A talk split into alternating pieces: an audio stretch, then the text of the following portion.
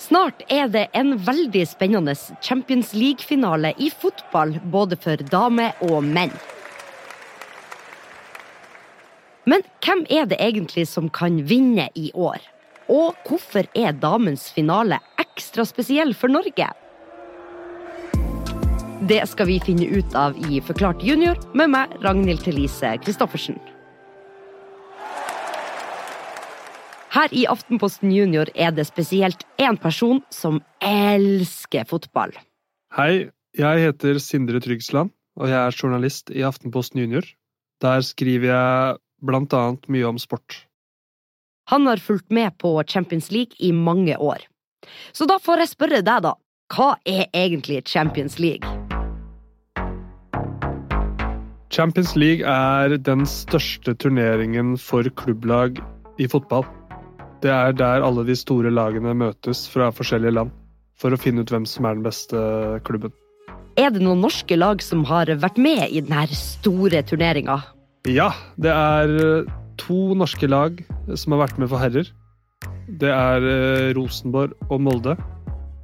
Og så er det flere lag som har vært med på kvinnesiden. Men i år er det ingen norske lag med. I herrenes eh, finale så er det Real Madrid fra Spania mot Liverpool fra England. Liverpool er jo et uh, veldig kjent fotballag som uh, er et av de mest kjente i verden. Som nå de siste fem årene har blitt uh, veldig gode igjen, med en trener som heter Jørgen Klopp, som kommer fra Tyskland. Og år for år så har de blitt bedre og bedre, og nå har de vært i tre finaler i Champions League på de siste fem årene. Hva med Real Madrid? Real Madrid er kanskje verdens største fotballklubb.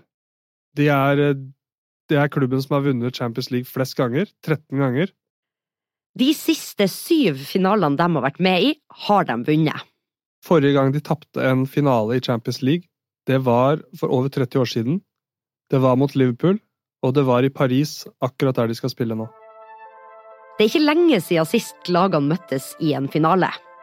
De møttes for bare fire år siden, og da, da var det Real Madrid som vant. Liverpool starta veldig godt, men så måtte Mohammed Salah, Liverpools største stjerne, måtte ut med skade.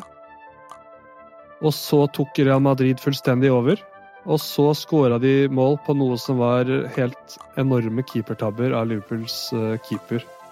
Så det her er to lag som er veldig klar for revansj og vil vinne kampen. Hvordan har veien til finalen vært for Liverpool og Real Madrid? Mange sier at eh, Liverpool har hatt en lett vei til finalen. De hadde en veldig vanskelig gruppe med Atletico Madrid og AC Milan annet. Men der vant de alle kampene sine. Og så i sluttspillet har de vært ganske heldige og møtt, eh, de har møtt Inter fra Italia. De har møtt Benfica fra Portugal, og så møtte de lille Villarreal fra Spania i semifinalen. Det som har vært spesielt, er at eh, Real Madrid har, hatt, de har slitt veldig i alle rundene. De har ligget under med flere mål, og så har de på mirakuløst vis klart å skåre mål på slutten av kampene, eller klart å skåre selv om de har blitt uh, rundspilt, rett og slett. Og så har de gått videre hver gang. Hvem vil du trekke frem som de to største spillerne på lagene sine? På Liverpool så er det Salah, rett og slett fordi han skårer flest mål, og det er han som har flest målgivende pasninger. Det er han som skaper mest, rett og slett.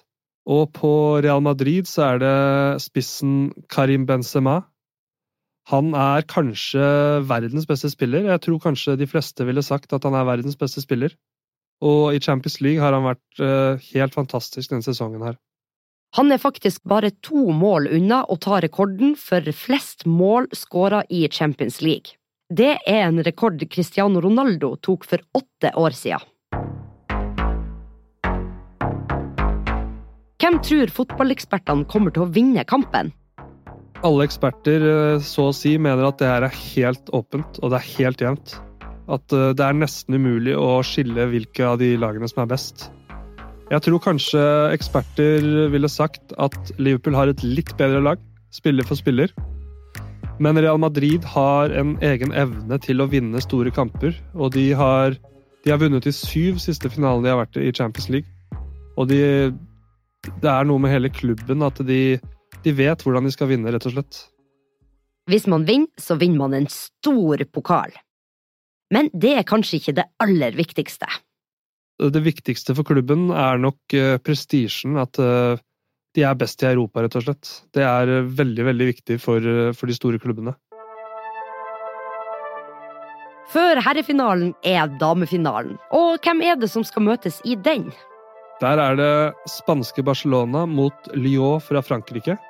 Du hørte kanskje at jeg i begynnelsen av episoden sa at damefinalen er ekstra viktig for Norge. Hvorfor er den det, Sindre? Det er fordi det er tre norske spillere som skal være med.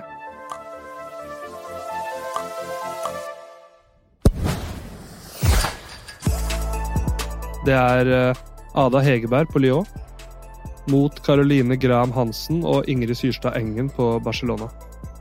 Hvor viktig er de spillerne for lagene sine? Caroline Graham Hansen er Nå er hun en av verdens beste spillere. Hun er en av de som skaper mest på Barcelona. Hun er utrolig god én mot én til å drible og til å skape rom. Så hun blir veldig viktig. Ada Hegerberg har jo vært kåra til verdens beste spiller tidligere, så det sier seg selv. Men hun har vært skada i lang, lang tid. Så hun er fortsatt ikke helt tilbake på det nivået hun var. Men hun er tidenes mestskårende spiller i Champions League, og hun vet hvordan hun skal avgjøre kamper som det her, så hun blir nok veldig viktig. Som i herrefinalen, så er det ganske åpent hvem som kommer til å vinne kampen. Jeg tror nok ekspertene mener at Barcelona er best. De vant Champions League forrige sesong, og de ser ut som det beste laget. Men eh, litt som i herrefinalen, så er også Lyon De har en historie med å vinne når det gjelder. Og de er de som har vunnet Champions League flest ganger. Og de har mange på laget som har vært med å vinne mange ganger. Så det er ofte viktig i store kamper å ha, å ha rutine. Men hvem som vinner de her store finalekampene, det får vi rett og slett vente og se.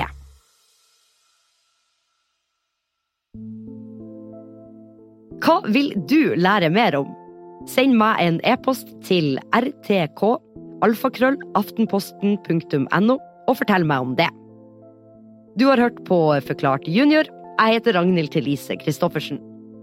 Episoden er produsert i samarbeid med Filt Oslo, og produsent der er Regine Døsen Christoffersen. Her i Aftenposten Junior er det Mari Midtstigen som er ansvarlig redaktør. Vi høres neste uke!